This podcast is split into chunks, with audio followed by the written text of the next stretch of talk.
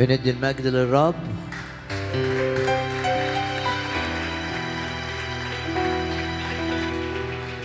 سواء كنت داخل المكان أو في الخارج أو تتابع هذا الاجتماع ادي المجد للرب بحماس بقوة.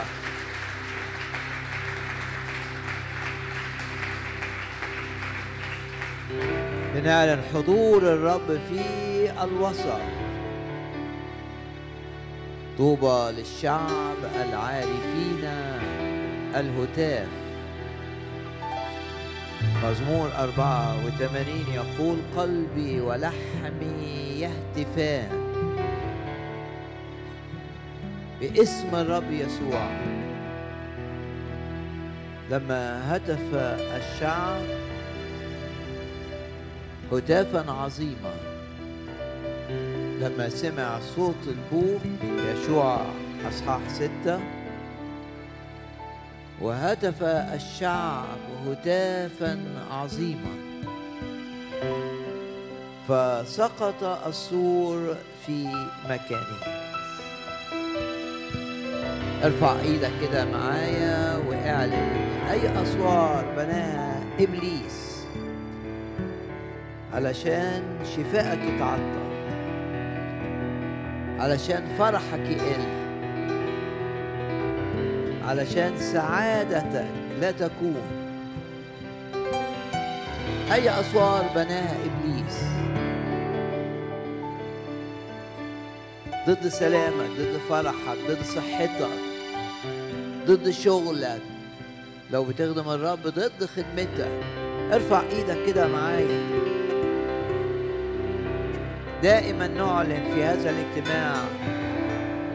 إن إبليس بيبني لكن الرب بيهدم. اللي بيبنيه إبليس. ارفع إيدك كده اعلن ثقتك.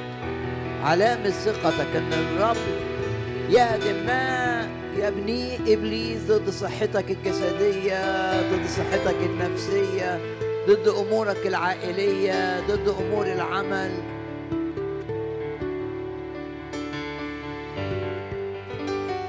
ونهتف كده بحماس ونثق أن الاسوار التي اقامها إبليس لسبب أو لآخر تسقط ونحن نهتف للرب يسقطها الرب. قول معايا هللويا بهتاف هللويا. هللويا. هللويا. هللويا. هللويا. هللويا. وارفع إيدك كده ارفع إيدك. واعلن ايمانك انك مع الرب من قوة إلى قوة. مع الرب تتغير من مجد إلى مجد. مع الرب تكون في الارتفاع فقط. وكل آلة اتعملت لإيذائك لا تنجح لا تنجح لا تنجح. ونهتف مرة كمان للرب بكل الكيان. هللويا. هللويا هللويا. هللويا. هللويا. هللويا. يعظم انتصارنا بالذي أحبنا. وقول كده جواك باسم الرب يسوع. اعلن كده إيمانك معايا باسم الرب يسوع. الرب هيكلمني تقول كده جواك الرب بكل تأكيد هيكلمني. وبكل تأكيد الرب هيلمسني مش هيكلمني بس هيكلمني وهيلمسني. لو مريض ضع ثقتك في الرب الطبيب الأعظم. وقول كده جواك الرب يزيل المرض مني الرب يزيل الضعف مني. ولو جاي الاجتماع عندك هم عندك قلق عندك خوف زعلان مش فرحان مش منطلق قول كده باسم الرب يسوع الرب يكلمني ويلمسني ويزيل مني.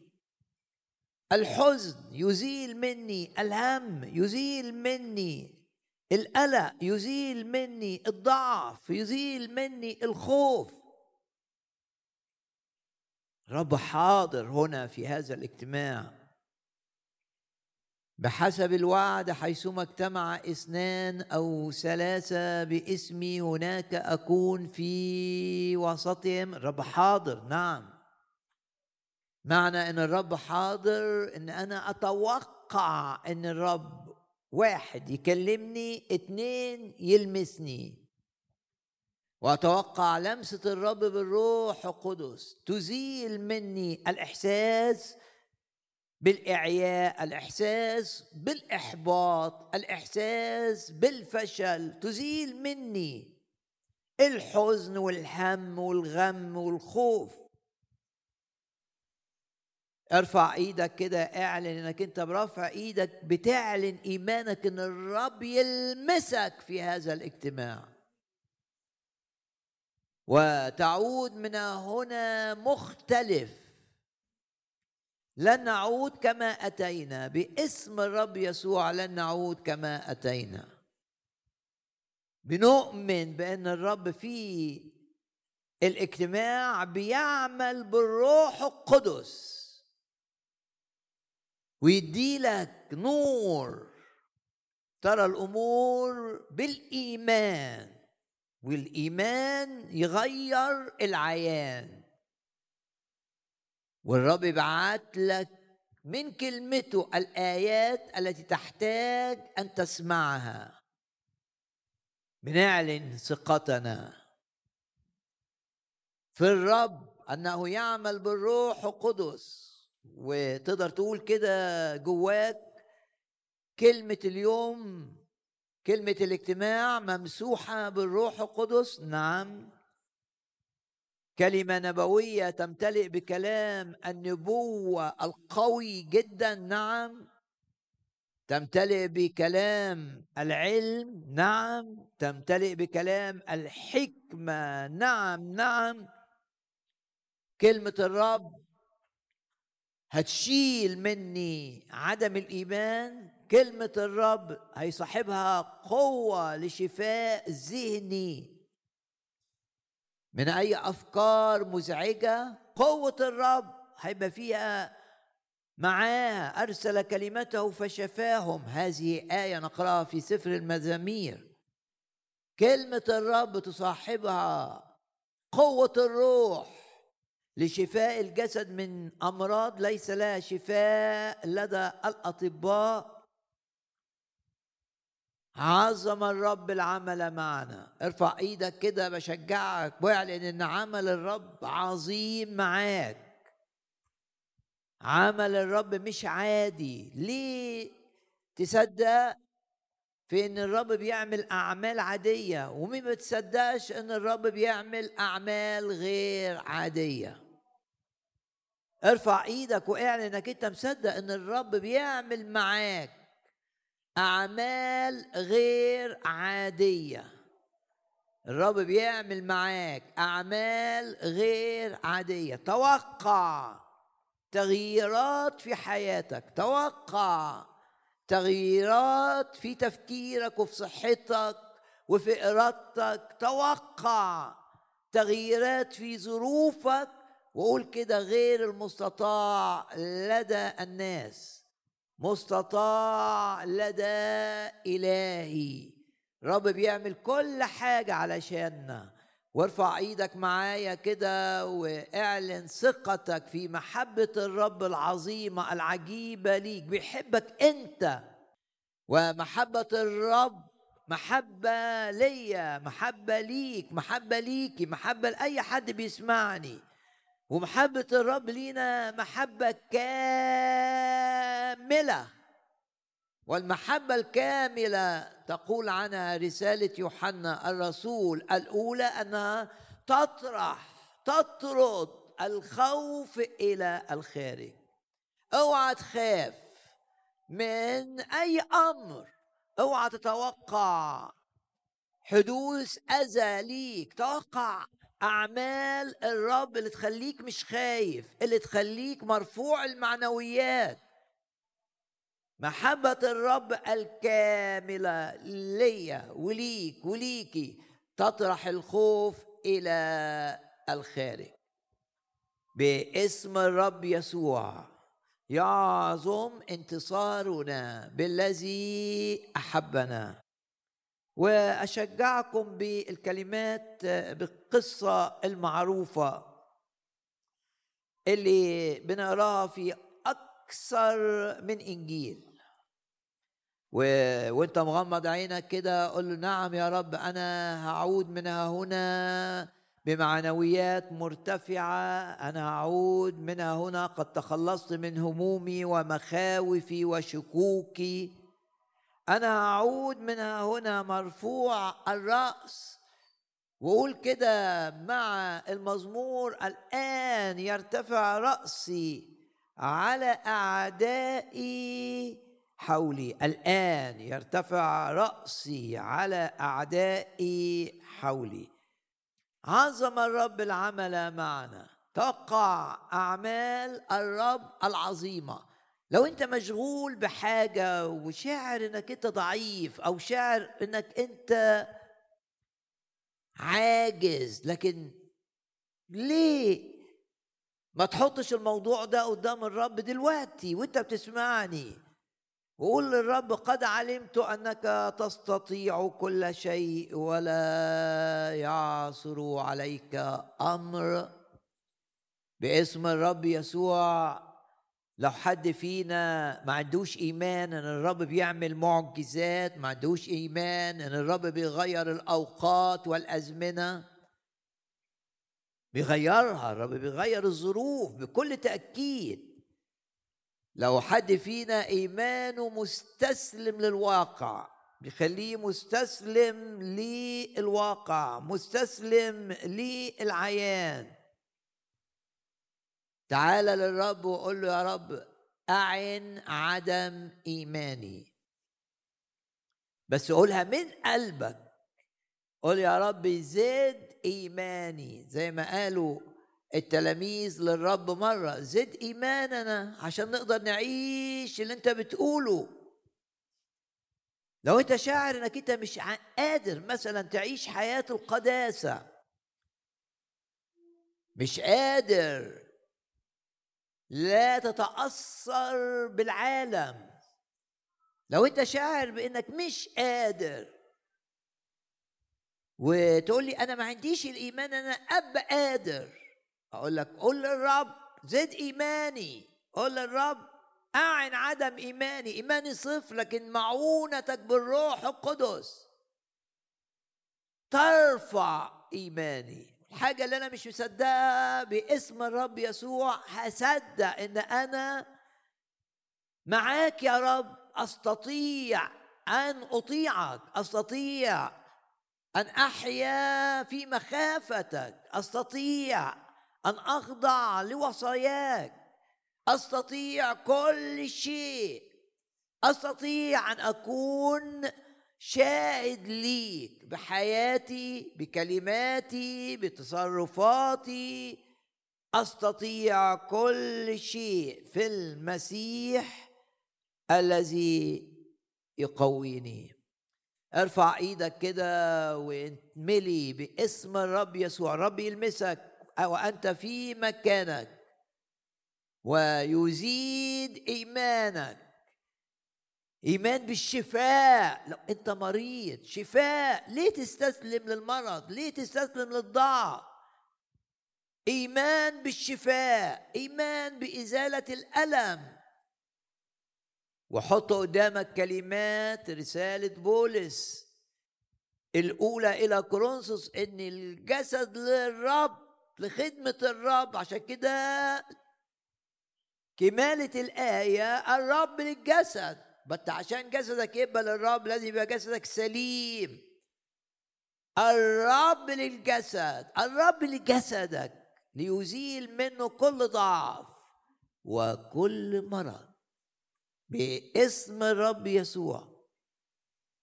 نعيش الآيات نعيش كلمات سفر الخروج اللي فيها الآية العظيمة أنا هو الرب شافيك فيك.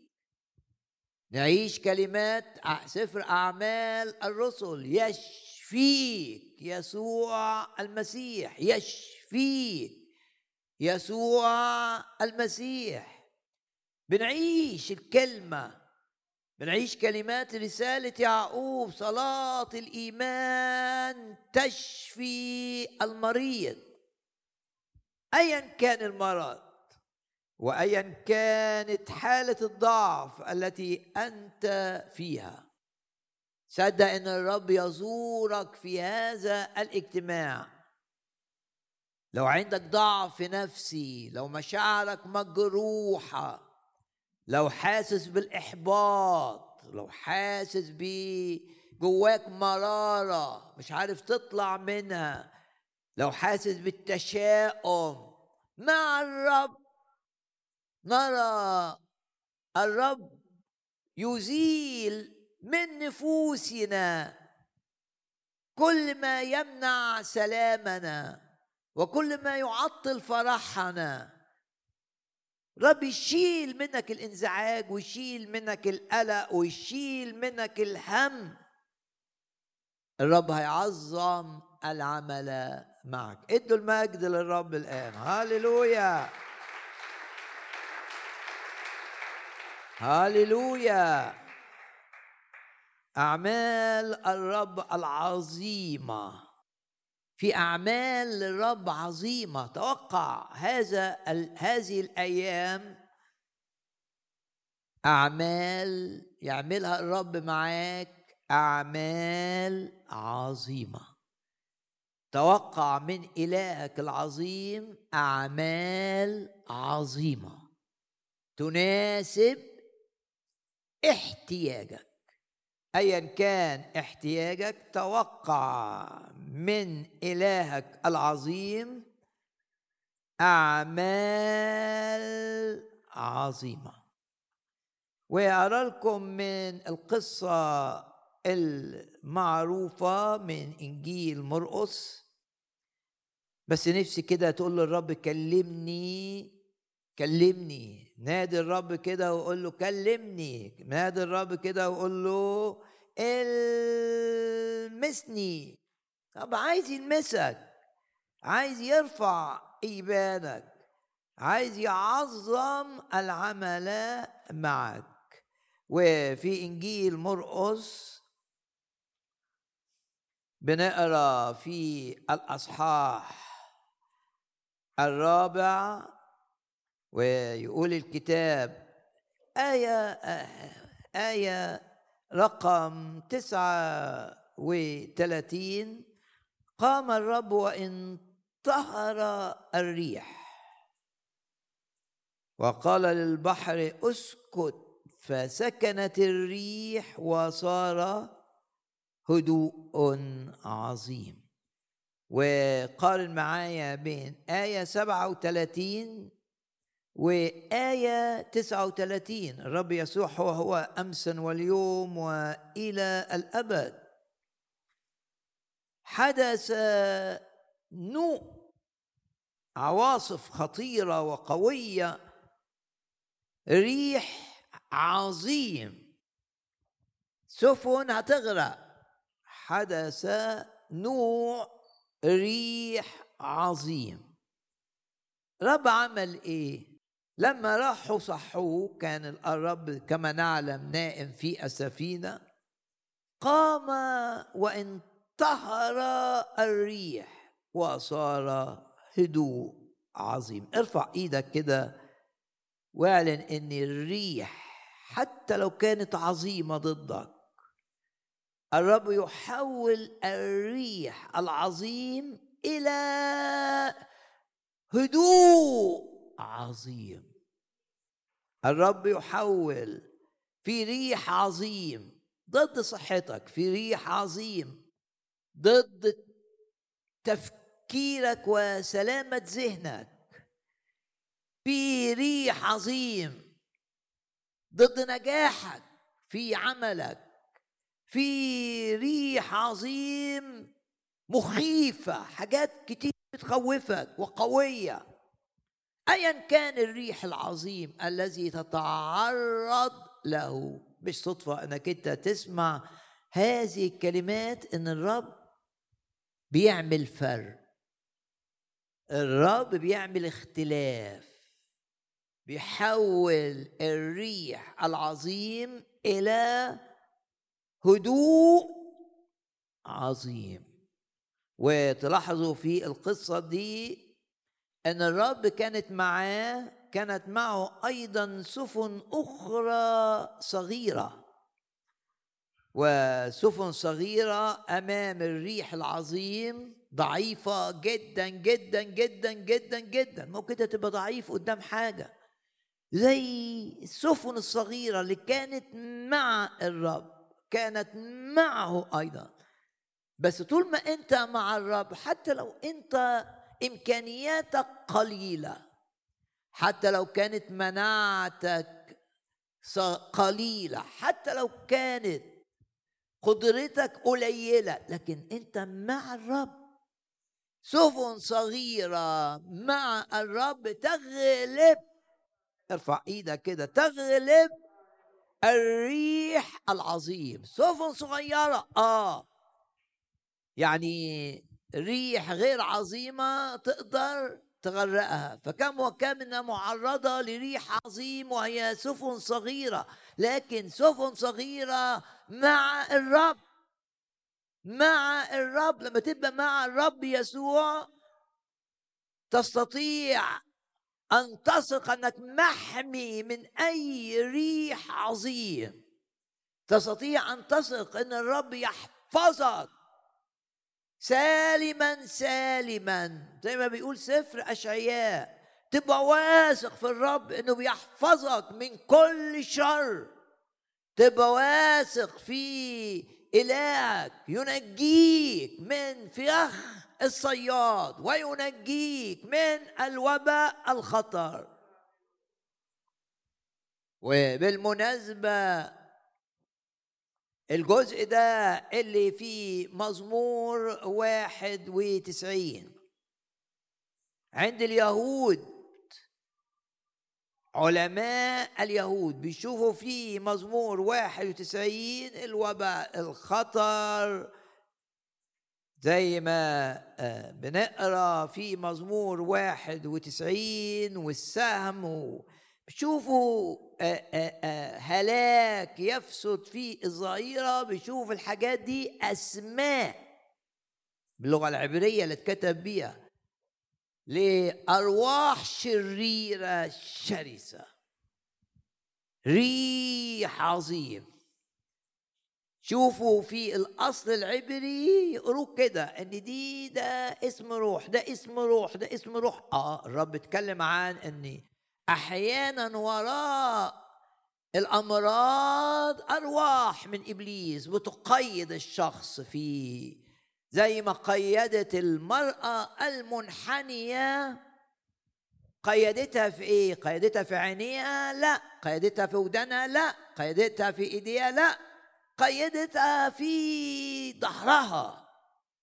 قد ربطها الشيطان كم سنة؟ ثمانية عشرة سنة. روح الشرير ممكن يقيد بالمرض. أجزاء في الجسد ممكن يقيد. في الإرادة ممكن يقيد. في ديت أفكار معينة تهاجم الإنسان. ممكن يقيد الإنسان في أمر معين في عمله. لها أنشطة متنوعة. كلمة الرب تظهر لنا هذا بكل وضوح. ممكن الدوشة اللي في البيت تصلي كده تلاقي النور في نور من الرب ليك يخليك تشوف الدوشة دي وراها إيه؟ وراها أرواح شريرة. والكتاب يقول لك مصارعتك مش مع البشر وأسلحة محاربتك اللي بتحارب بيها مش الأسلحة العادية إنك تقعد تفكر تعمل إيه وتواجه إزاي. يقول لك كل ده مش هينفع. أنت تحتاج إلى أسلحة الكتاب المقدس. أنت تحتاج إلى الأسلحة الروحية. استخدام اسم الرب يسوع في مواجهة الأرواح الشريرة العامله مشاكل تسكت شوية وتظهر بعد شوية تسكت شوية وتظهر بعد شوية. أرواح شريرة بتشتغل ضد صحتك بتخليك حتة كده في جسدك مقيدة. ماذا تفعل؟ اعلن إيمانك إن الرب يحول الريح العظيم اللي ضدك إلى هدوء عظيم. يعني إيه هدوء عظيم؟ يعني الأرواح الشريرة تقف معك عاجزة تماما غير قادرة أن تصنع صوتا غير قادرة أن تؤذي نفسيتك أن تؤذي علاقاتك العائلية أن تؤذي بيتك. كثير من المشاكل. الناس تفكر في حلول منطقيه ليها. مش بقول إن ده غلط بس بقول كتير الحاجات دي ما بتوصلش للنتائج المرضية. تقول لي ليه؟ أقول لك لأني السبب الحقيقي روح بيشتغل. المرأة المنحنية السبب بتاع تقييد ظهرها كان روح ضعف يحتاج للرب. متى جاء الأقوى؟ تحتاج إلى الرب أن يطرد روح الضعف. النتيجة شفاء من الانحناء. لأن الروح اللي كان عامل المشكلة مشي باسم الرب يسوع. ونشوف القصة إن الرب إزاي يا رب حولت الريح العظيم إلى هدوء عظيم؟ وإزاي الأرواح الشريرة اللي اليهود علماء اليهود بيقولوا إنها موجودة في النص العبري لمزمور 91 إزاي ترحل؟ إزاي ما تأذيش السفن الصغيرة اللي ما عندهاش مناعة؟ ماذا فعل الرب أيها الاحباء بصوا معايا كده في القصة. إنجيل مرقس يقول كده الكتاب قام وانطهر الريح. انطهر ده معناه إن الريح دي وراها شيء يفهم الانتهار وراها قوى شيطانية كانت تحرك الريح لأن الشيطان هو رئيس سلطان الهواء زي ما بتقول رسالة أفسس. والأرواح الشريرة تسكن في منطقة الهواء وتتحكم. ممكن اللي مبوظ شغلك أرواح شريرة جات لك في الحتة دي بسبب إنك أنت أعطيت أرض لإبليس. يقول لك كده لا تعطوا لإبليس مكانا. أنت أعطيت لإبليس مكان. بخطية لم تقاومها بعلاقة دخلت فيها وأنت عارف إن دي علاقة مش من الرب واستمريت فيها. فتشجع إبليس خد أرض وقعد في الأرض دي. والكتاب يقول لك لا تعطوا لإبليس مكانا. اعطيت مكان للعدو. دخل العدو بالأرواح اللي في عالم الهواء. هنا الأرواح اشتغلت على الريح وخلت الريح عايزة تغرق. مش بس سفينة الرب السفن الصغيرة اللي كانت مع سفينة الرب. ماذا فعل الرب؟ قام وانتهر الريح. وتحدث للهيجان الشيطاني. وقال للبحر اسكت. قال للبحر ابكم. زي ما الرب قالك إن قلتم لهذا الجبل. الجبال اللي بي وراها قوى الظلمة تستطيع أن تتحدث إليها. لكي تتحول من مكانها وتذهب بعيدا وتزيل العوائق الموجودة. إيه اللي عمله الرب؟ انتحر. إيه اللي عمله الرب؟ تحدث باسم الرب يسوع. نتحدث إلى الريح. وإحنا شايفين إن ورا الريح اللي ضدنا. أرواح شريرة ننتهرها نحتاج لاسم الرب يسوع. قال كده تخرجون الشياطين باسم. آدي السلاح الروحي. آدي السلاح الروحي. إنك أنت تمارس سلطان أعطاه ليك الرب.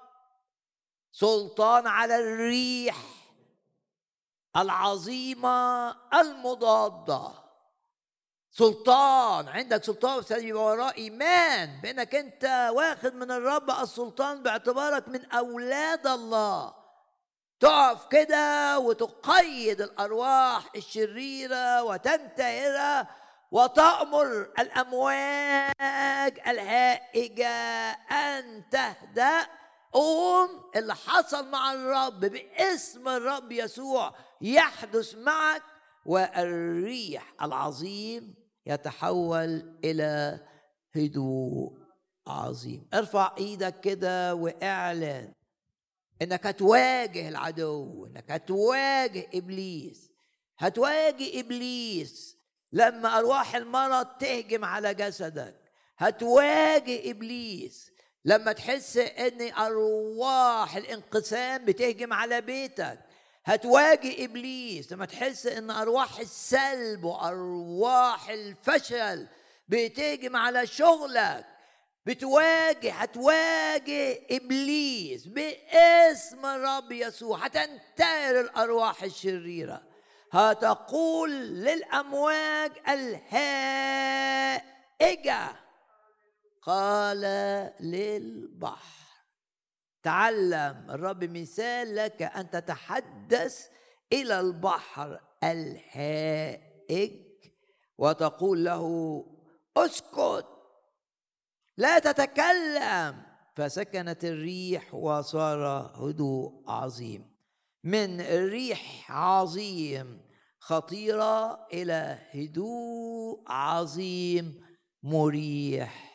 ومطمئن جدا. وأقرأ لكم كمان أفكركم بالكلمات العظيمة اللي في فيها حديث للعدو. تعلم إنك أنت تكلم أرواح المرض. لما تحس إن ورا الضعف بتاعك ده مرض تعلم أن تواجه أرواح النجاسة. لما تحس إن في هجمات عليك علشان تقع في خطية جنسية تعلم انك أنت تواجه أرواح فشل. لما تحس إن في فشل في عملك لما تحس إن البحر هائج تعلم أن تتكلم إلى البحر الهائج لكي يتحول من بحر هائج وخطر جدا. اوعى هتقول لي أنا صغير أنا سفينة صغيرة أقول لك الرب انطار البحر الهائج من أجل السفينة الصغيرة. والآن الرب بك حينما تعلن اسمه حينما تقول باسم الرب يسوع يواجه بيك وأنت سفينة صغيرة الريح الريح الشديد. يواجه بك الريح العظيم لكي يتحول البحر الهائج إلى بحر هادي هدوء عظيم.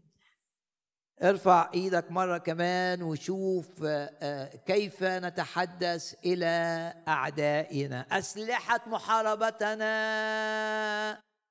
استخدم الأسلحة الروحية. استخدم وبكلمكم عن السلاح الهام جدا مواجهه العدو.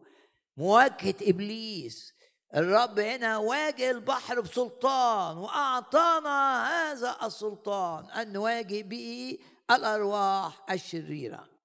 و أفكركم قبل ما أقرأ من أشعياء أصحاح ثمانية أفكركم باللي عمله الرسول.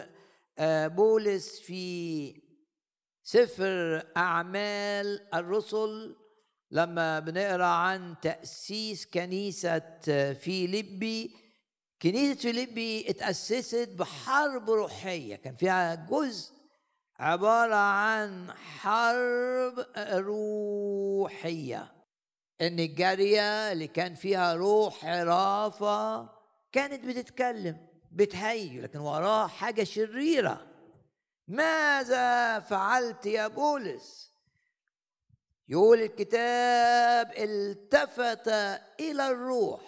ما كلمش الجارية دي اللي هي عاملة دوشة ما تكلمش معاه أسلحة محاربتنا روحية بنحارب بيها أجناد الشر الروحية في السماويات بنحارب فيها سلاطين مملكة إبليس الولاة هذا العالم. زي ما بتقول رسالة أفسس في الأصحاح السادس. لم يتحدث الرسول بولس إلى الجارية. تحدث إلى الروح. مصارعتنا مش مع البني آدمين. مشاكلك مش مع العيان اللي أنت شايفه بعينيك. مشاكلك مع اللي بيحرك العيان ضدك. مشاكلك كتير بتبقى مع اللي بيحرك الأمراض لإصابتك. تبقى أنت شايف المشكلة مع المرض؟ بس ممكن لما بتصلي تلاقي آه أحيانا بتبقى المشكلة مرض فقط واحيانا بتبقى المشكلة مرض وراء أرواح. مرض مؤذية تحرك المرض ضدك في هذه الحالة. واجه واجه العدو الحقيقي المختبئ وراء المرض والمختبئ وراء الجارية. التفت بولس إلى الروح وقال لو ان لو الرب يسوع كان في مكاني كان هيؤمر الروح. طب أنا آه تقدر. تقدر يا بولس أن تأمر إذا استخدمت اسم الرب يسوع. وهذا ما نقرأه في أعمال الرسل أصحاح 16 التفت إلى الروح وقال أنا آمرك باسم يسوع المسيح أن تخرج منها. باسم الرب يسوع أطرد أي روح شرير متحكم في أمور. لو خادم ضد خدمتك لو صحتك بتعاني من ضعف بتتحكم الأرواح دي في أمراض ضدك واجه المحرك اللي مختبئ وهو الذي يحرك الأمور لإيذائك. مش مشغول بس ده عمل كذا وده عمل كذا نعمل إيه؟ باسم الرب يسوع يفضح دور إبليس. لإبليس دي اللي أنا حاسه في قلبي. لهذا الاجتماع ان إبليس ليه دور ومخبي نفسه. أنت شايف اللي بيحصل وبتقول أصل ده سببه فلان ده سببه كذا ده سببه كذا ولكن الحقيقة أن وراء فلان واللي بيحصل ده قوة تحرك من قوى إبليس. لو أنت وقفت العدو لو أنت طردته من الأرض دي وقلت له ليس لك أن تأخذ مكانا. كلمة الرب بتعلمني لا تعطوا لإبليس مكانا. لو أنت طردت إبليس خلاص المعركة تحسم وما الأذى يتحول إلى خير. بولس قال للروح أنا آمرك أنا آمرك باسم يسوع المسيح أن تخرج منها. ارفع إيدك كده واعلن إن قوى الهدم اللي من إبليس في أي دائرة من دوائر حياتنا قوى التخريب اللي من إبليس في أي دائرة من دوائر حياتنا في أي مجال من مجالات خدمتك لو بتخدم الرب. قوة الإيذاء قوة التخريب قوة الهدم اعلن ثقتك كده إنك باسم الرب يسوع قادر أن تطرد. تعمل زي الرب لما كلم الريح المضادة لما كلم الأمواج الهائجة. فتحول الريح العظيم والأمواج الهائجة إلى هدوء عظيم. هادموك ومخربوك منك منك يخرجون. ارفع إيدك كده وأؤمر قوى العدو إنها تطلع من أي دائرة حاسس إن فيها نشاط. للتخريب حاسس إن فيها نشاط. للهدم مخربوك وهادموك منك يخرجون. وند المجد للرب الآن. هللويا.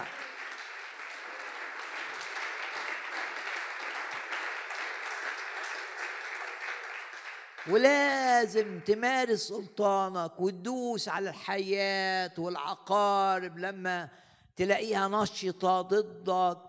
وتنهي نشاطها باسم الرب يسوع. وهتشوف إن الريح العظيم المضاد المؤذي تحول إلى هدوء عظيم. أرى آية من سفر أشعياء أصحاح ثمانية ومن الآيات المعروفة اللي فيها حديث. هيجوا ده بقى بيتكلم قوى الشر. هيجوا أيها الشعوب انكسروا. أمر. أمر. أؤمر. أؤمر لأن الأرواح اللي بتحرك أمور ضدك علشان تخاف تنكسر. أؤمر. الأرواح اللي بتحرك حاجات عشان تبعد عن الرب وتمشي في سكة العالم تنكسر. أؤمر. أؤمر إن الأرواح اللي بتحرك وتخلق مناسبات في البيت للاحتكاك وتلاقي أحيانا حد يقول لي نار في البيت وما كانش ليها سبب. أقول له آه أنت مش شايف بعينيك السبب. لكن في سبب تكشفه لنا كلمة الرب. قاوموا إبليس فيهرب منكم. هيجوا أيها الشعوب وإنكسروا. واحتزموا يعني تبقوا في حزام واحد. وإنكسروا. ويقولها مرة ثالثة انكسروا ثلاث مرات انكسروا انكسروا انكسروا.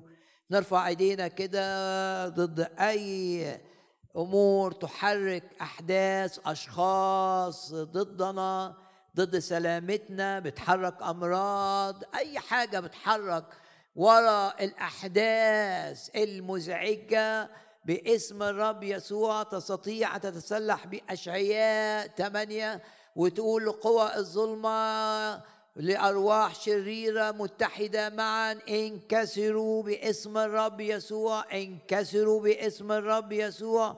انكسروا باسم الرب يسوع. وندي المجد مرة كمان للرب.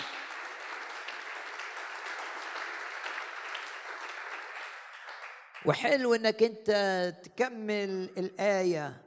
تشاوروا مشورة فتبطل. كل حديث ولا قرار ضدك يبطل باسم الرب يسوع.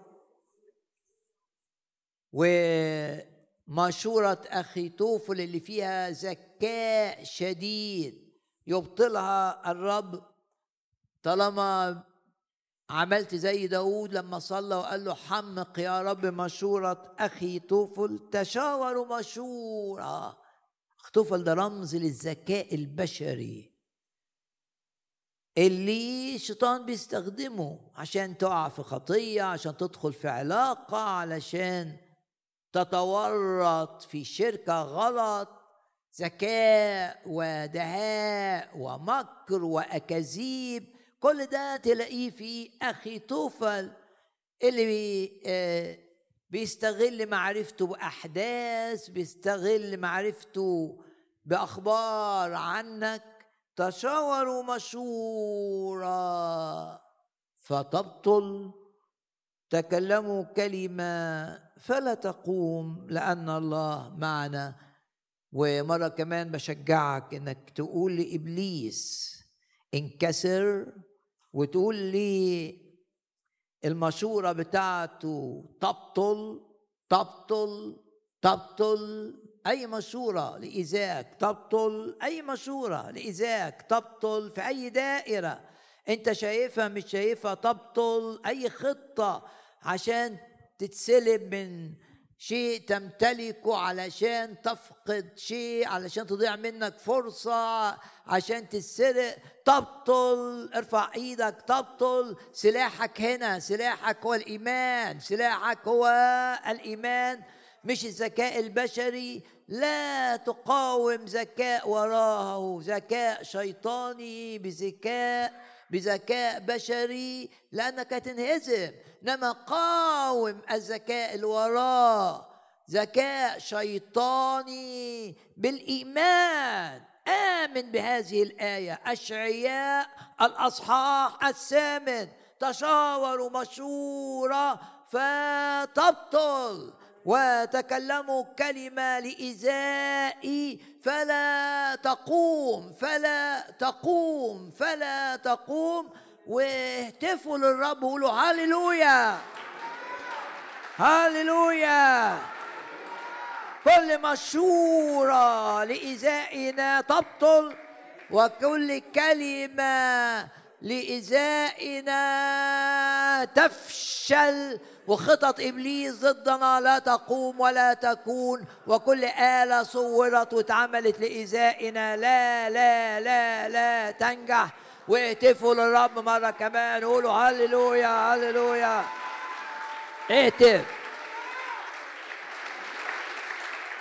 هللويا. هللويا. من مثلنا؟ شعب منصور بالرب مش شعب منهزم شعب منصور يحاربونك ولا يقدرون عليك لأني أنا معك أنا معك. يحاربونك ولا يقدرون عليك لأني أنا معك يقول الرب. من الآيات اللي بنشوف فيها حديث للريح المضادة حديث للي ورا الريح المضادة. إبليس آية من أصحاح 24 سفر الأمثال أصحاح 24 وآية رقم 15 و 16 لا تكمن أيها الشرير. والشرير هو أحد ألقاب إبليس. نجنا من الشرير يبقى الشرير مؤذي وأنت بتصلي وتعلن حماية. نجنا من العدو وبتعلن إيمانك بقوة الدم ضد إبليس. وهم غلبوه بدم الخروف الخروف اللي هو يسوع. لأنه على الصليب أحد ألقاب الرب على الصليب الخروف المذبوح حمل الله. وهم غلبوه غلبوا الشيطان بدم الخروف في قوة في دم الرب يسوع. لحمايتك من أي أذى شيطاني. واجه العدو بقوة الدم. تقدر تواجه العدو باسم الرب يسوع وتعلن حماية دم الرب يسوع ليك.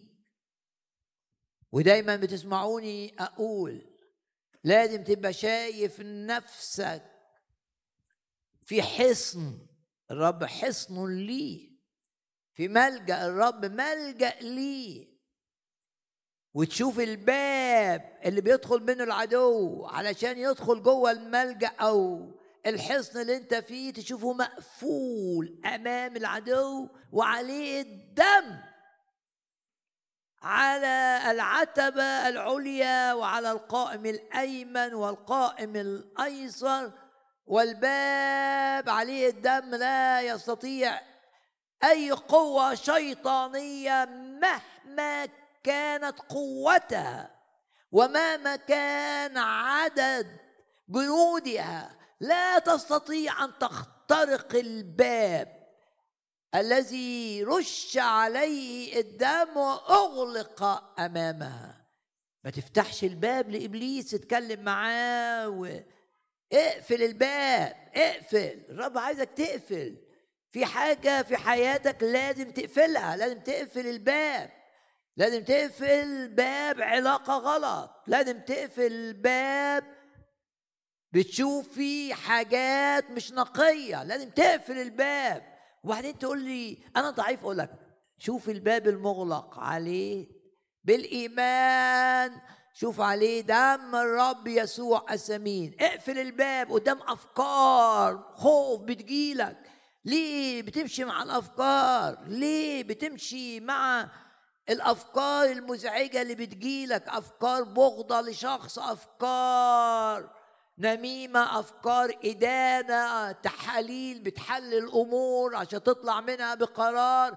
اقفل البيبان أمام الدوشة الشيطانية.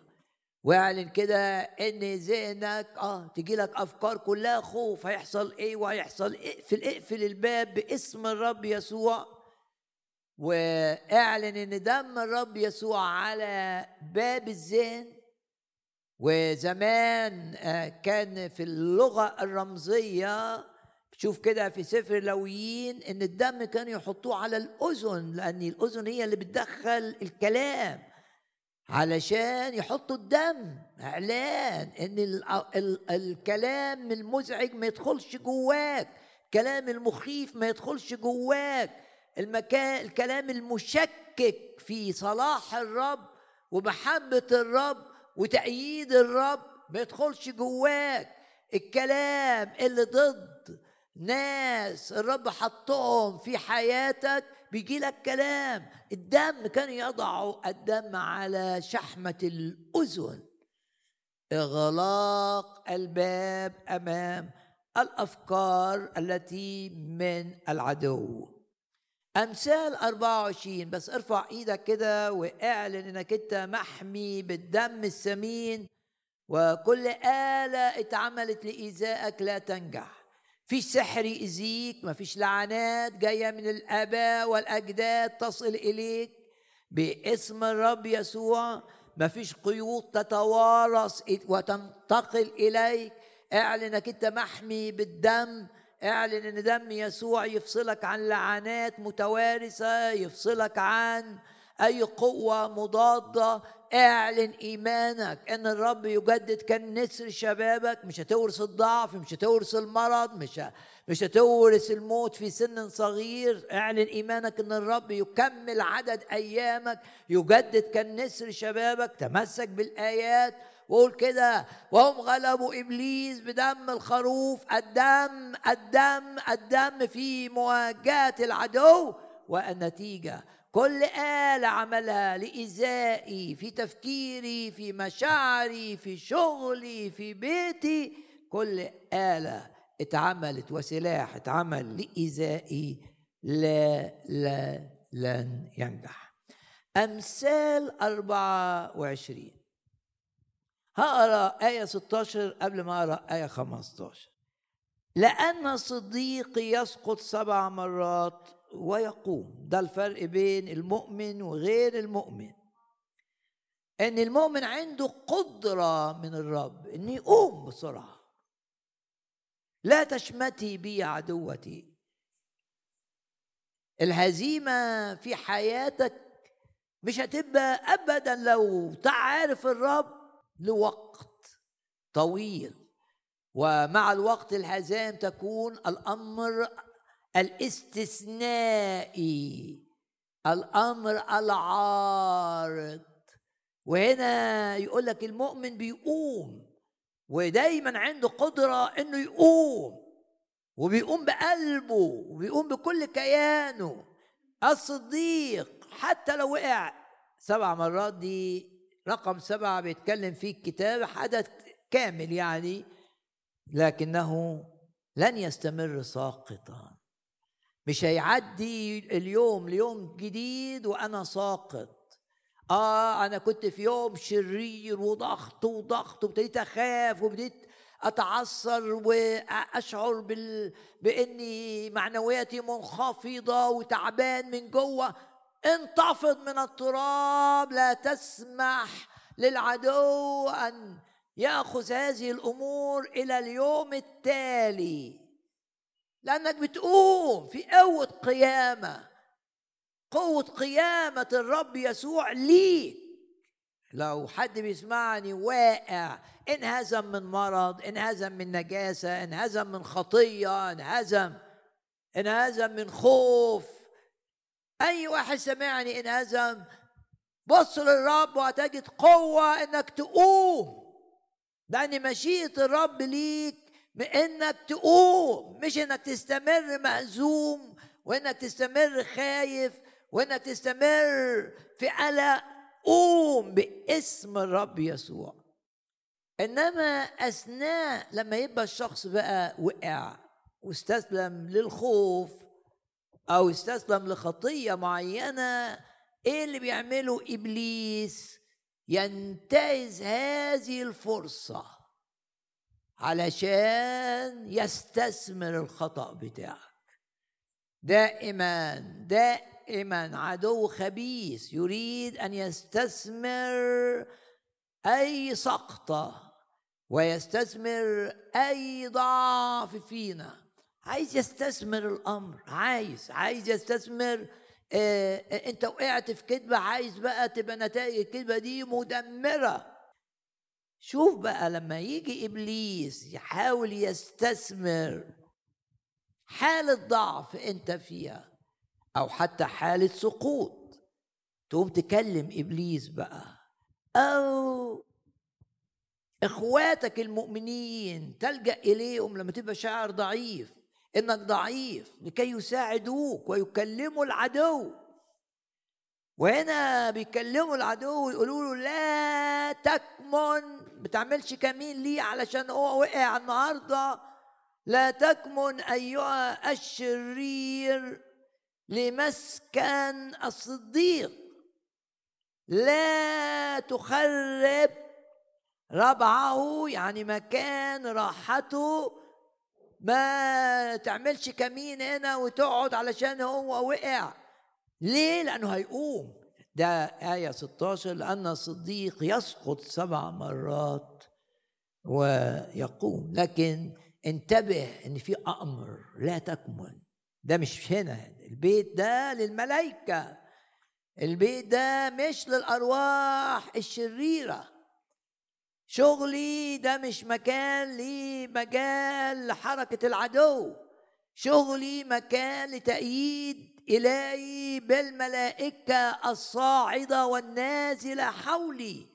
لا تكمن. شوف الأمر. لغة آمرة. تعلم أن تستخدم لغة الأمر مع العدو. لا تكمن أيها الشرير لمسكن الصديق. وشوف المؤمنين لما يصلوا من أجل أخوهم الواقع لا تخرب ما تخربش الراحة اللي هو فيها علشان وقع ما تستثمرش الغلط بتاعه ما تستثمرش باسم الرب يسوع. وتذكروا إزاي لما المؤمنين كانوا بيصلوا ليالي من أجل بطرس لم يستطع العدو أن يستخدم الملك في القضاء على بطرس وإنهاء خدمة بطرس. ارفع إيدك كده وإعلن إنك أنت هتبقى إيجابي مع إخواتك المؤمنين. لما يبقوا في حالة الضعف أو في حالة السقوط باسم الرب يسوع هتقول لإبليس كده لا تكمن ما تعملش كمين ما تبقاش واعي قاعد كده ده مش مكانك. لا تكمن أيها الشرير لمسكن الصديق لا تخرب مكان راحته. وممكن تقول بلغة الآية دي تقول لإبليس دلوقتي لا تكمن أيها الشرير لمسكني لشغلي لخدمتي. لأنني أتحدث إليك بسلطان. لأني امرك باسم الرب يسوع. لاني بعلن حمايه الدم الثمين لي وباسم الرب يسوع لن أعطيك مكانا في أي دائرة من دوائر حياتي. ودوا المجد للرب الآن. هللويا!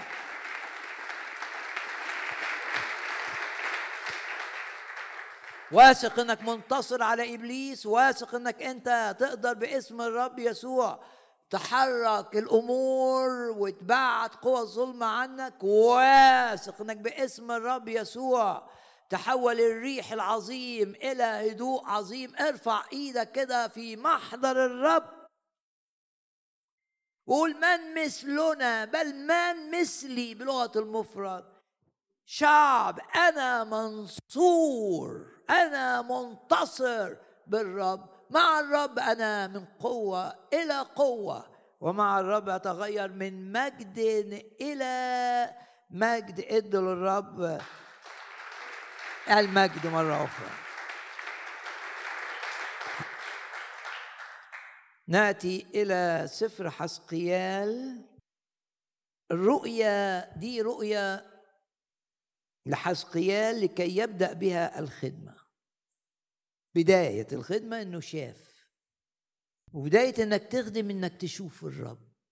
شوف الرب بيحبك وتشوف الرب عايز يستخدمك وتشوف السماء مفتوحة لتأييدك. حسقيال الأصحاح الأول. والرؤية دي اللي شافها لما الرب دعاه للخدمة ما انساهاش أبدا.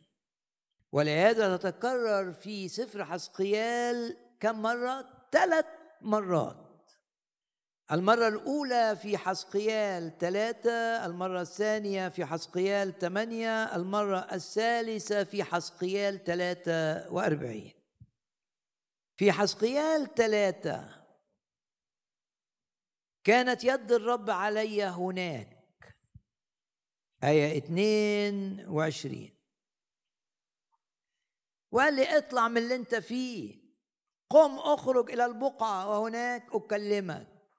حاسس إن الرب عايز يقول لناس بتسمعني اطلع من اللي انت فيه الرب عايز يتكلم معاك. ادي للرب وقت. اطاع حسقيال وباسم الرب يسوع تطيع. الرب عايزة تتكلم معاه. فقمت وخرجت إلى البقعة. شاور له على المكان. وإذا بمجد الرب واقف هناك كالمجد الذي رأيته عند نهر خابور. يعني افتكر هنا البداية. وسجد للرب خررت على وجهي ولما بتنحني أمام الرب يقيمك. لأنه عايز يستخدمك. نفس اللي حدث في الرؤيا الأولى اللي هي بداية الخدمة بتاعته. لما شاف الرؤيا دي لما رأيته خررت على وجهي. وبعدين الرب قال له قم قم. هنا بقى هناك يقول لك دخل في روح وأقامني على قدمي. ده الأصحاح الثاني آية اتنين الرب عايز يستخدم حسقيال. بيقومه. انت لازم تخدم. انت لازم تنطلق. دخل في روح وأقامني على قدمي. قال له اذهب. بس يجذب الانتباه إن ربط ده بالرؤية الأولى البداية.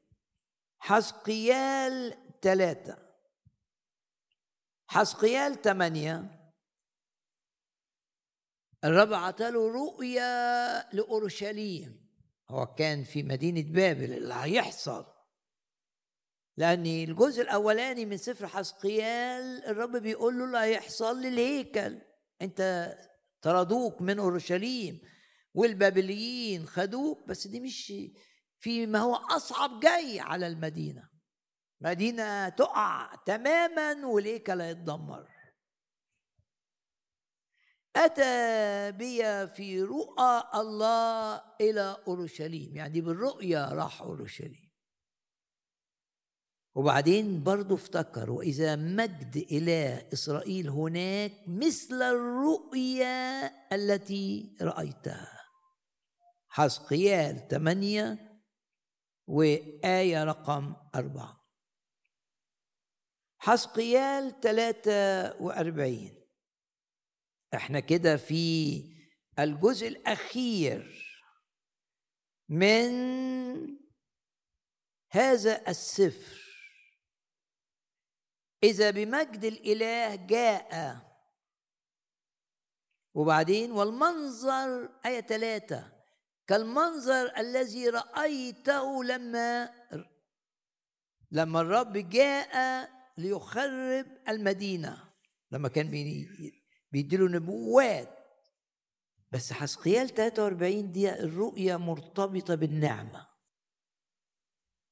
يعني افتكر رؤية المجد ثلاث مرات. في المرتين وهو رايح يوصل رسائل قضاء إلهي على الشر. لأن زي سفر الرؤيا كده إن في وقت يظهر فيه مش محبة الخروف غضب الخروف. سفر الرؤيا يتحدث عن غضب الخروف. الخروف الوديع يغضب في سفر الرؤيا. لأن الرب عطى فرصة طويلة زي ما عطى أيام بناء فلك نوح. بس جه وقت يقول لك أغلق الباب. خلاص طوفان جاي. وده اللي هيحصل في نهاية الأيام اللي إحنا اقتربنا ليها. ودائما تذكر معي كلمات الرب يسوع اللي في إنجيل متى أصحاح 24 كثيرا ما أقرأ هذه الآية. أصلا بتفكرني بقصة دمار لكل العالم. كان العالم سيئا كما هو سيء الآن أيام نوح. وكما كانت أيام نوح. متى 24 آية 37 كذلك يكون أيضا مجيء ابن الإنسان. وابن الإنسان ده لقب من ألقاب الرب يسوع هو اللي لقب نفسه. محدش أطلق عليه ابن الإنسان هو اللي أطلق عليه على نفسه هذا اللقب. ده لقب عظيم.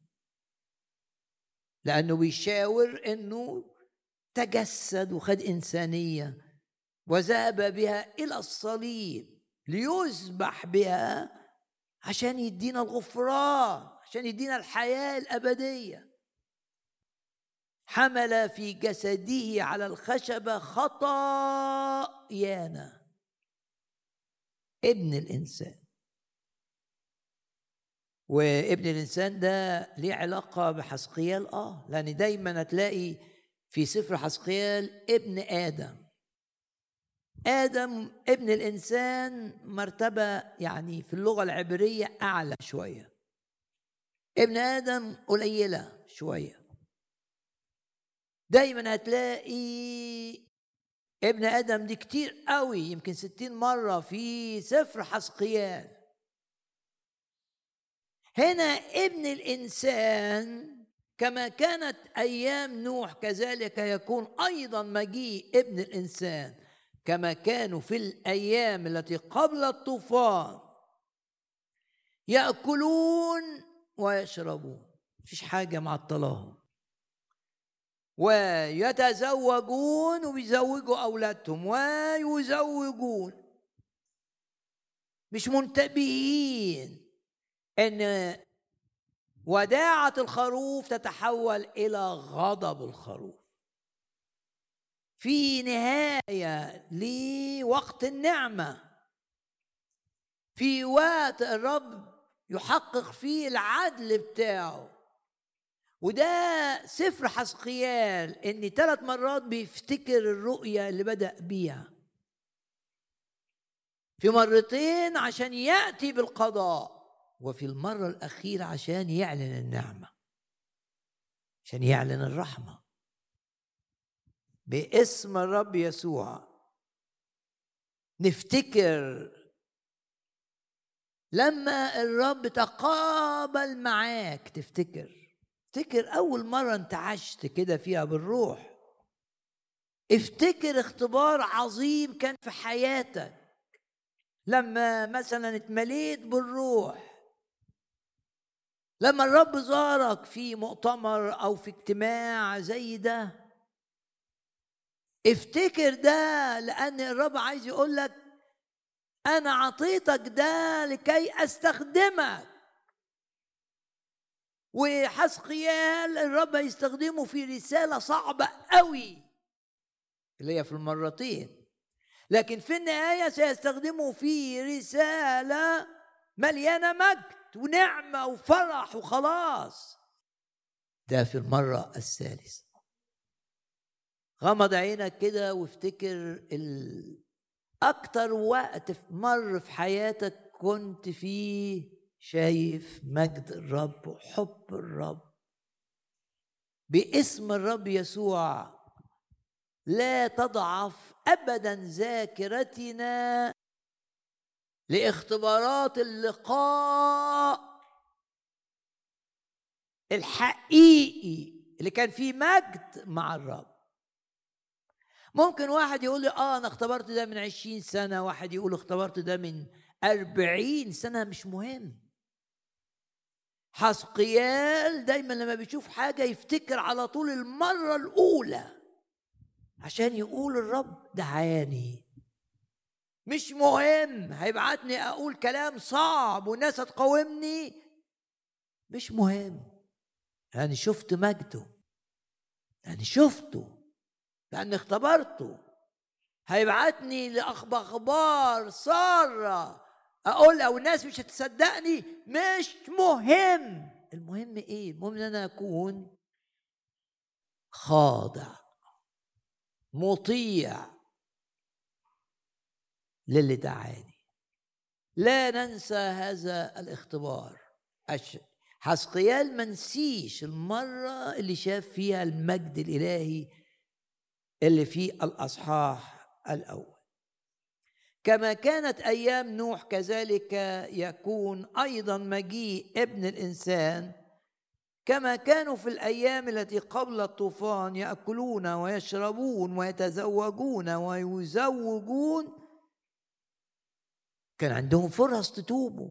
كان عندهم فرص إنهم يروحوا للرب ويرموا نفسهم عند رجليه. ويقولوا يا رب أنا غلطت أنا بعدت أنا عايز أرجع. أنا عايز أبقى معاك. كان عندهم فرص. ربما تكون هذه آخر عظة تسمعها. لو أنت غرقان في الخطية قوم. قبل ما يغلق الباب ده جزء مهم في سفر حسقيال قوم بسرعة. ما تستمرش في الغلط. ما تستمرش في الخطية وتقول ما الدنيا ما عايشة وإيه اللي حصل. ما ده اللي كان في أيام نوح. كانوا يأكلون ويشربون إلى اليوم الذي دخل فيه نوح الفلك.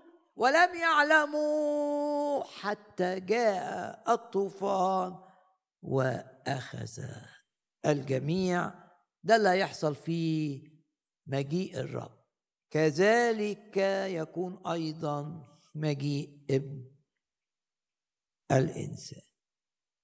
وغمض عينك كده واطلب من الرب إن يجدد عمله معاك في أول لقاء ليك معاه. ولو انت في اللقاء ده قررت انك تخدم الرب قول يا رب أشكرك إنك أنت ما غلطتش لما دعيتني. أكيد حسقيال بيقول للرب كده. دي كانت رؤية حقيقية لم تخطئ. إنك دعيتني أنا لكي أكلم كلام صعب للأمة اللي بيقول عنها في سفر حسقيال أمة متمردة. فكركم بالرؤيه إنها رؤية مجد. أربع كائنات حية عجيبة. كل كائن ليه أربع وشوش أربع أوجه. والكائنات دي شايلة العرش اللي عليه أحد ظهورات الرب يسوع في العهد القديم. ومعناه إن العرش اللي قاعد عليه بيتحرك لأنه متشال على الكائنات الأربعة اللي ليها كل واحد منهم.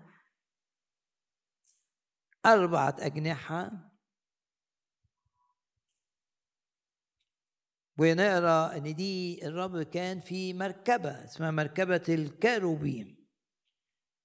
لأن الأربعة دول كل واحد فيهم اسمه كروب كروب كروب كروب أربعة شايلين العرش ومتحركوا بيه. تحت أو الكائنات الأربعة دول اللي كل واحد فيهم له أربع أوجه بيعبروا بيهم عن الرب اللي شايلينه. وجه إنسان بيعبر عن التمييز اللي في الرب والتمييز اللي ظهر في إجراءه القضاء. زي جاب قضاء على كل أورشليم وأنقذ اللي ما عندوش أسلحة. وأنقذ أرميا وأنقذ باروخ وأنقذ عبد ملك الحبشي. ده وجه إنسان. براجع معاكم. وجه أسد لأني الرب عنده قوة. هوذا قد غلب الأسد. رب أقوى من أعدائنا. جرد قوى الظلمة من أسلحتها في معركة الجلجسة في معركة الصليب. أنت ورا الأسد. عشان كده الأرواح الشريرة لما تلاقيك ورا الأسد يسوع ترتعب منك. الكائنات الأربعة بتعلن ده. كل واحد عنده وجه أسد ووجه إنسان. وعنده وجه نس. لأن الرب سريع. و داود شاف الرب سريع في إنقاذه. بس هنا حزقيال شاف الرب سريع في قضائه لأن معاد القضاء جه. معاد غلق باب الفلك جه. نسر سريع. بس في مزمور 18 داود شاف الرب متحرك على الكروبيم وجاي بسرعة لإنقاذه. شوف سرعة إيد الرب بطرس بيغرق هيغرق خلاص. في نفس اللحظة إيد الرب امتدت وأنقذت بطرس من أن يغرق. النسر. والسور الرب إزاي بيحتمل عدم إيماننا؟ لأن السور يحتمل المحرات بتاع المزارع والحمولة اللي بيحطوها عليه ولا يئن. فالأربع وشوش دول بيتكلموك عن الرب. وبعدين الأربعة دول عندهم أجنحة. هشاور لحاجة في الأربع كائنات اللي هم شايلين العرش. عشان الوقت أشاور بسرعة. وفي الأسابيع القادمة الرب يدي نور أكتر. تتكرر كلمة الاتصال. يقول كده الكتاب أجنحة الكائنات الأربعة اللي هم اسمهم الكروبيم اللي شايلين العرش الإلهي. كل واحد عنده أربع أجنحة. يقول لك كده وأجنحتها متصلة الواحد بأخيه. يعني جناح بيلمس جناح. وتتكرر الكلمة في آية 11 أما أجنحتها فمبسوطة من فوق لكل واحد اثنان متصلان أحدهما بأخيه واثنان يغطيون أجسامه رمز الخشوع يعني للجالس على العرش. دول الجناحين اللي بيغطوا بيهم الجسم بتاعهم. إنما الأجنحة اللي فوق متصلة ببعض. لو الرب حطك وسط مجموعة مؤمنين الكروبيم تقرأ في سفر حسقيال بلغة الجمع أحيانا وأحيانا أخرى بلغة المفرد. لأنهم اتصلوا ببعض بالأجنحة لمست بعض فكأنهم بقيوا كائن واحد. كان الجميع بنفس واحد. قصد الرب إن اللي بيخدموا اللي بيشيلوا الرسالة بتاعته إنهم يبقوا في وحدة. وده إيمان. لازم يبقى عندك هذا الإيمان إن بيتك يبقى فيه وحدة إن علاقتك مع الناس اللي الرب حطك وسطيهم تعبد الرب أو تخدم الرب يبقى فيه وحدة يبقى فيه زي متصلة الواحد باخيه لأن تؤمن. لما تؤمن هتشوف عمل الرب العجيب والعظيم في هدم إعاقات الوحدة. الأسوار اللي عملها إبليس ضد الوحدة. مش صدفة إن الرب حطك في المكان ده تخدم مع دول. يا إما ده يبقى مش مكانك. لكن لو ده مكانك من الرب مع هؤلاء الأشخاص افتكر إن الأربعة دول الرب خلى أجنحتهم متصلة بعضها ببعض. مش كل واحد لوحده. مش كل واحد على حدة.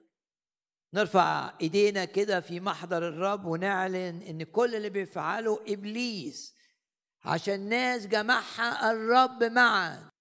تعيش كما لو كان الرب لم يجمعها كل اللي بيعمله إبليس.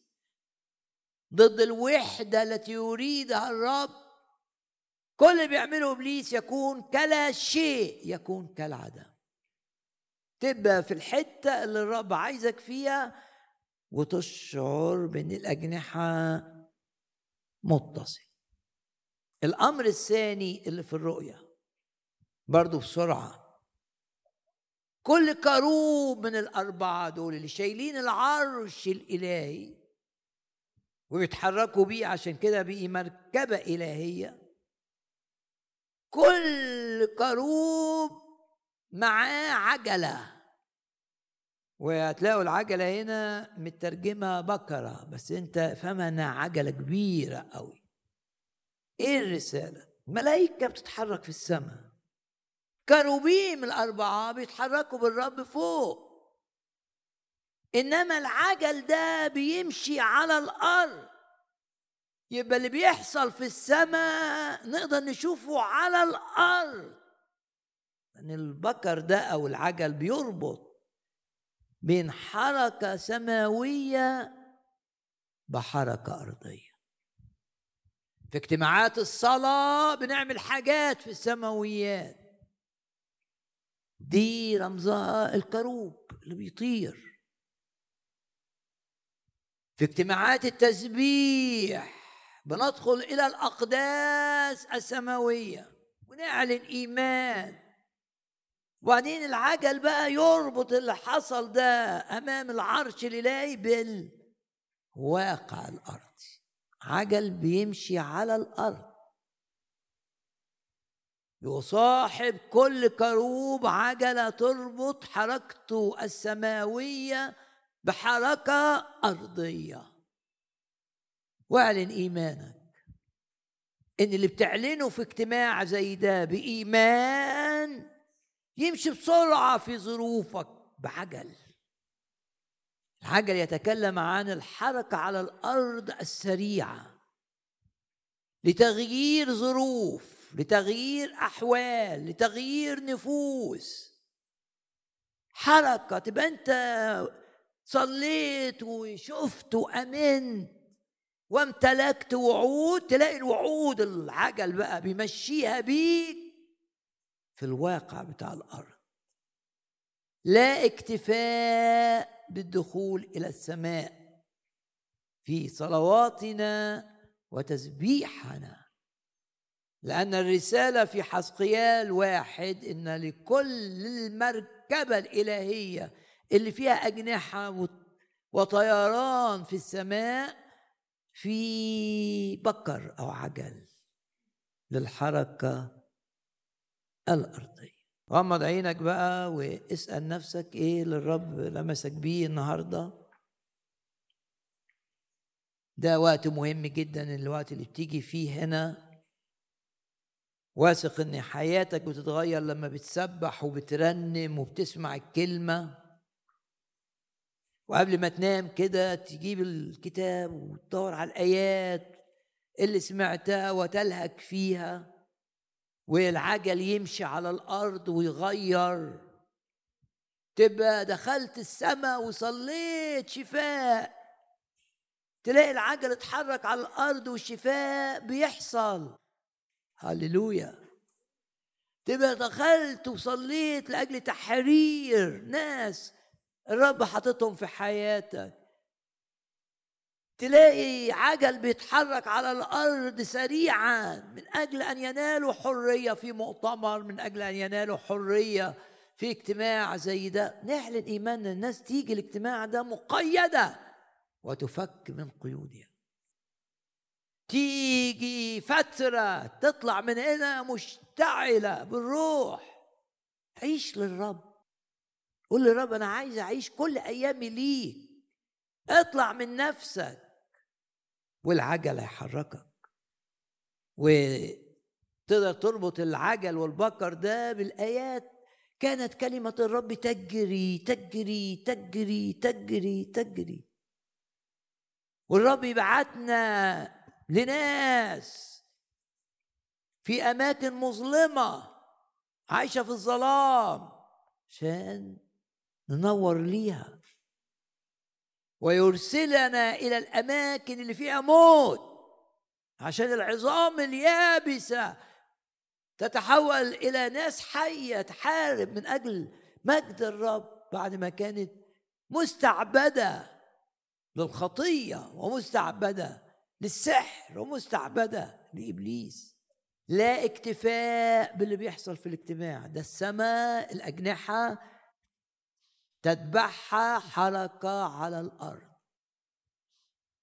الأجنحة مع العجل. هاللويا بنعلن إيماننا. ان إحنا هنا صحتنا. تبقى دايما في الارتفاع. نفسيتنا دايما في الارتفاع. إيماننا دايما بيقوى إصرارنا ان إحنا نخدم الرب. اشتعال بالروح القدس. بس دي كلها أجنحة. بس بنعلن ايماننا إن. هنبقى كمان عجل. بنجري في الخدمة. مفيش وقت نضيعه. ناس بتموت. وإبليس نشط جدا.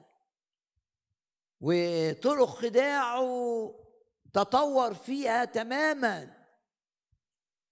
انت لازم تحط نفسك في ايد الرب وتقول له غير ظروفي وغير كل حاجة علشان تستخدمني. وبعجلة بتجري. مفيش حاجة بتعطلها. إيه اللي الرب كلمك بيه النهارده. لمست بيه إن ال... الريح العظيم ننتهره نكلمه يتحول إلى هدوء عظيم. إيه اللي الرب لمسك بيه النهارده؟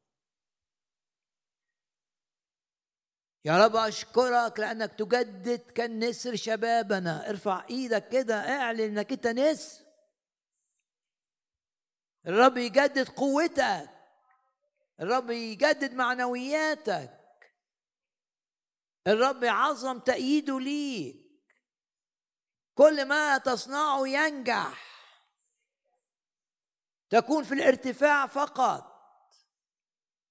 وكل آلة اتعملت لإيذائك تفشل. كل اللي بيعمله إبليس ضدك.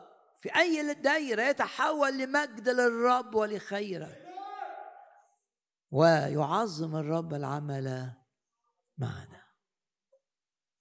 نقف جميعا في محضر الرب الآن.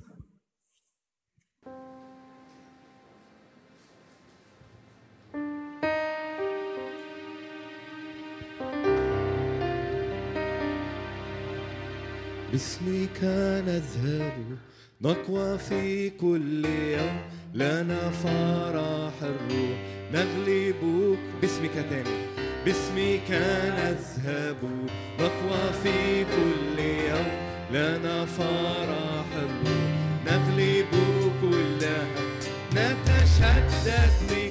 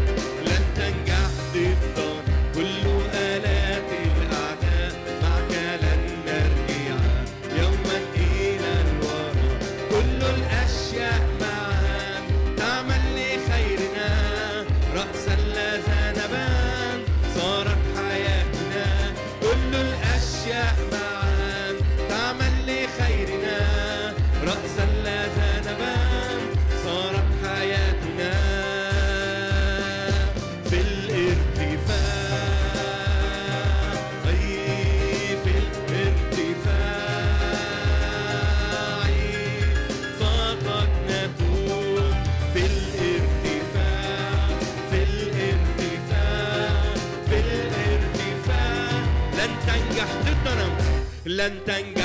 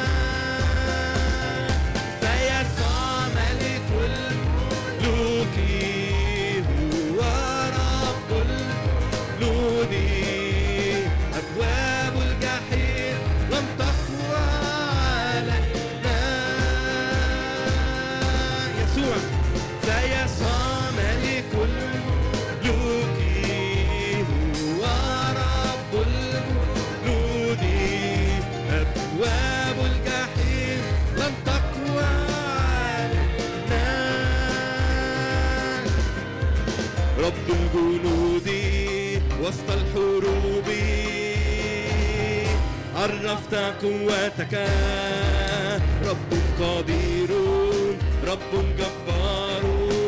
تسحق كل الأعداء كل الأعداء. رب الجنود رب الجنود وسط الحروب. عرفت قوتك رب قدير رب جبار. تسحق كل الأعداء. غالب غالبون ارفع صوتك قول معايا. على أرض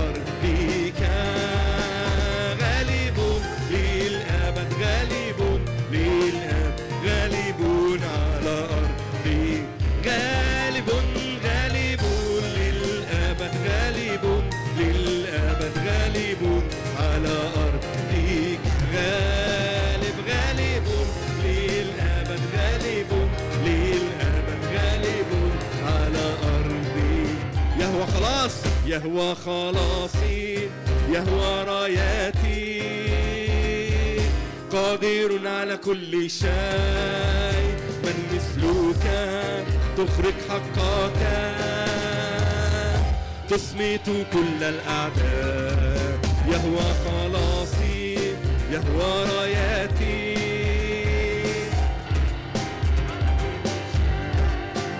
من مثلك تخرج حقك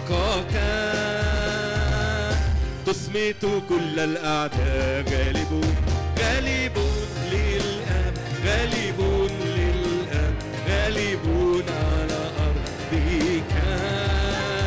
غالب للأبد غالب للأبد غالب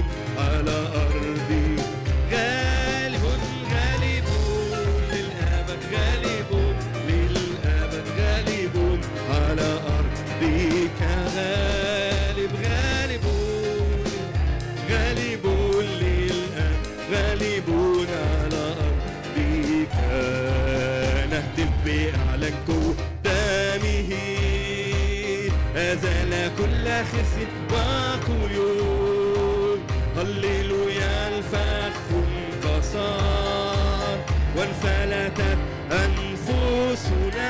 نهتف نهتف بأعلى قوة دمه أزال كل خزي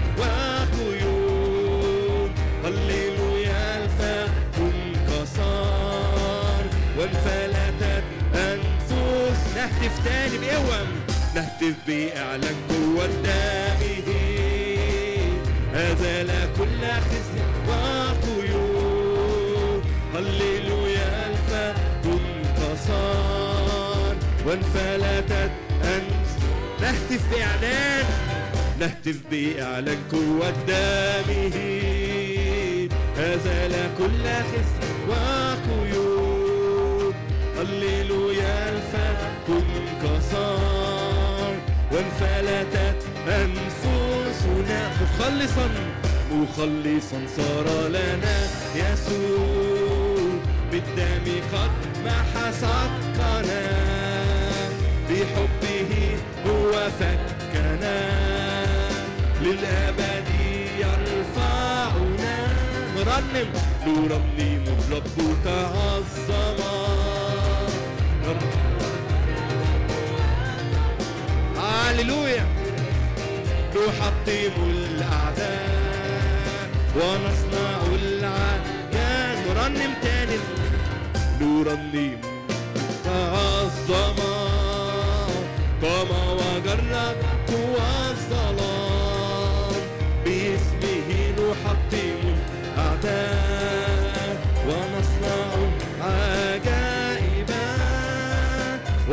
ونصنع العجائب. ونصنع العجائب.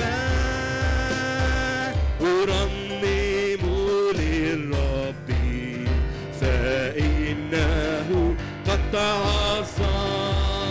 الفرس وركبه. أرنم للرب. أرنم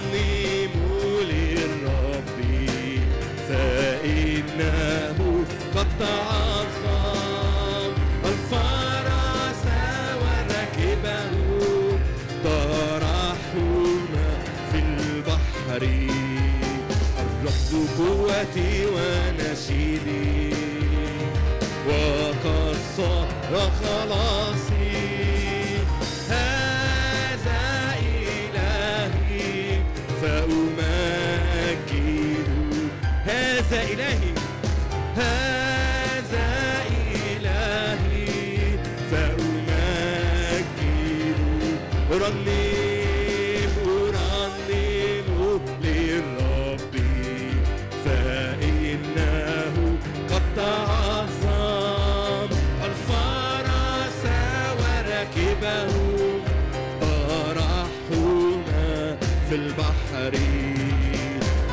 الرب قوتي وقد صار خلاصي هذا إلهي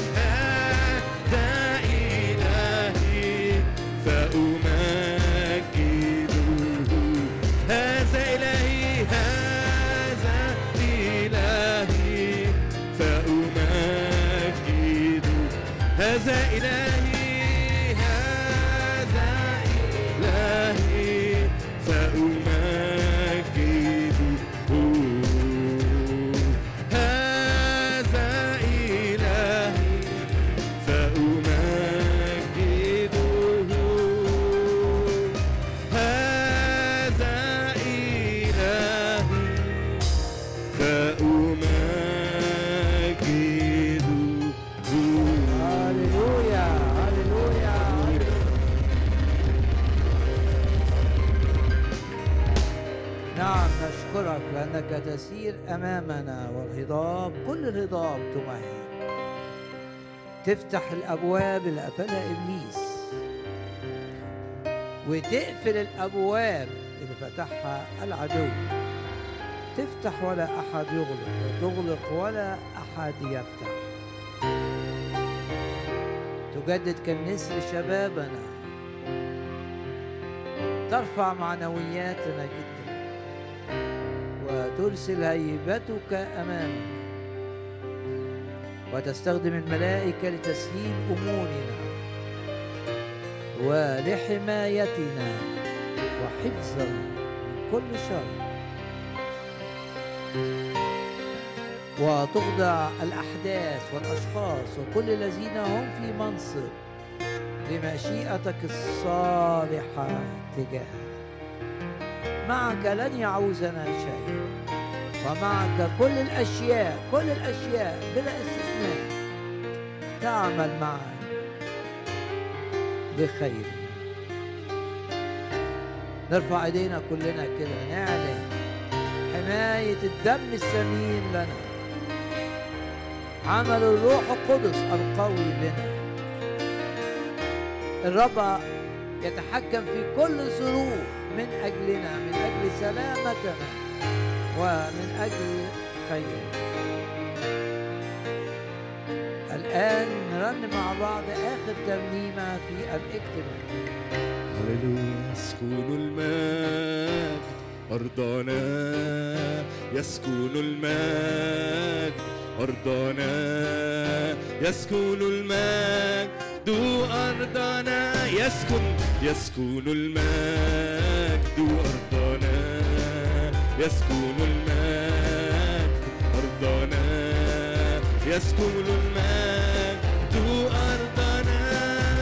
لا لن نقول يوما قد زال مجدنا. سنقول الرب زاد عظماتنا.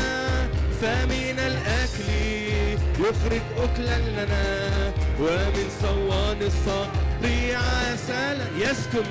يسكن المجد أرضنا يسكن المجد أرضنا يسكن المجد أرضنا بصوت الفرح يعلو له تسبيحنا بالآيات كل مليكنا لا يتسلط علينا غيره ولا يسكن الأعداء أرضنا بصوت الفرح يعلو له تسبيحنا بالآيات نصفي كل مليكنا لا يتسلط علينا غيره. ولا يسكن الأعداء أرضنا. يسكن يسكن المجد أرضنا. يسكن المجد أرضنا. يسكن أرضنا يسكن المجد يسكن المجد أرضنا يسكن المجد أرضنا يسكن المجد. أرضنا فمن الأكل يخرج أكلا لنا ومن صوان الصبر عسلا فمن الأكل يخرج أكلا لنا ومن صوان الصخر عسى يسكن يسكن المجد أرضنا. يسكن المجد أرضنا. يسكن المجد أرضنا. يسكن المجد أرضنا. يسكن المجد أرضنا. يسكن يسكن المجد أرضنا. هللويا هللويا هللويا يسكن المجد أرضنا.